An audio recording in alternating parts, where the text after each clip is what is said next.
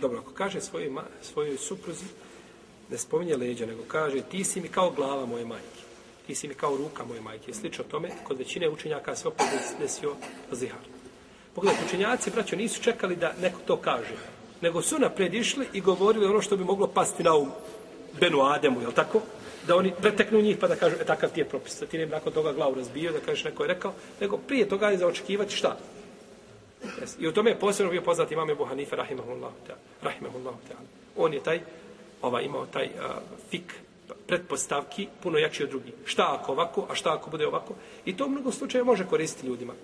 Ne mora znaš da uvijek da je trebalo tim putem ići, nisu svi učinjaci išli tim putem, ali u mnogo slučajeva je koristilo mnogim ljudima jer se nakon toga dešavale raznorazne situacije i ja vjerujem da je Ebu Hanife znao šta će biti nakon njega, da je poznao nešto od gajba. Kakve će generacije doći? da bi još o tome pričao i pričao, Allah zna kad bi se zaustavio. Jer je zaista tako. Šta čovjek može pa znači na um i, i u šta sve ljudi mogu upasti, ovaj, da treba, ovaj, za njegovo pitanje treba, znači, jedna elita učenjaka da rješavaju njegovo pitanje.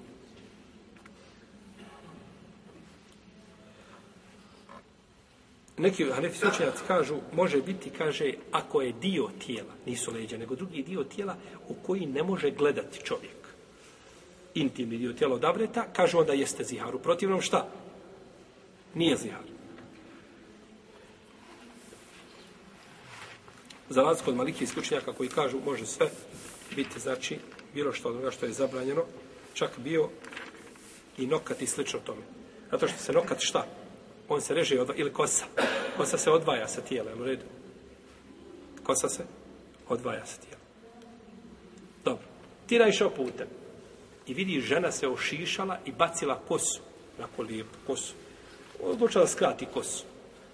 I bacila onako kosu. Zavezanu u pletenicama. Otkinula i bacila je.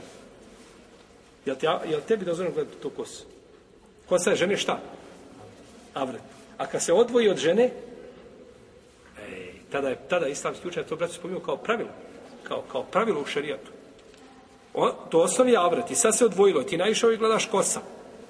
Je li ti dozvoljeno gledati tu kosu? Kažu. Pogledajte razmišljanje. Jeste ti dozvoljeno, jeste dozvoljeno ti je gledati tu kosu, ako ne znaš čija je kosa.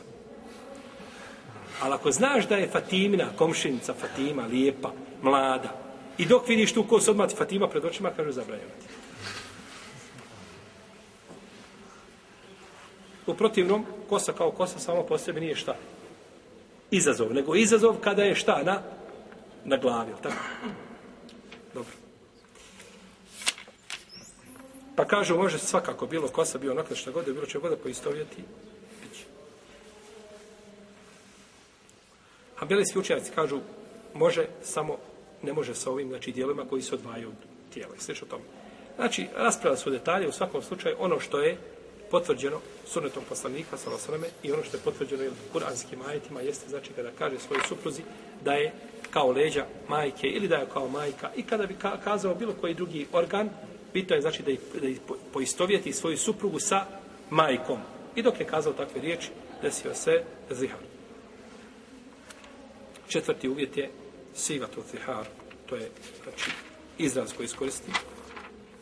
Znači, prilikom zihara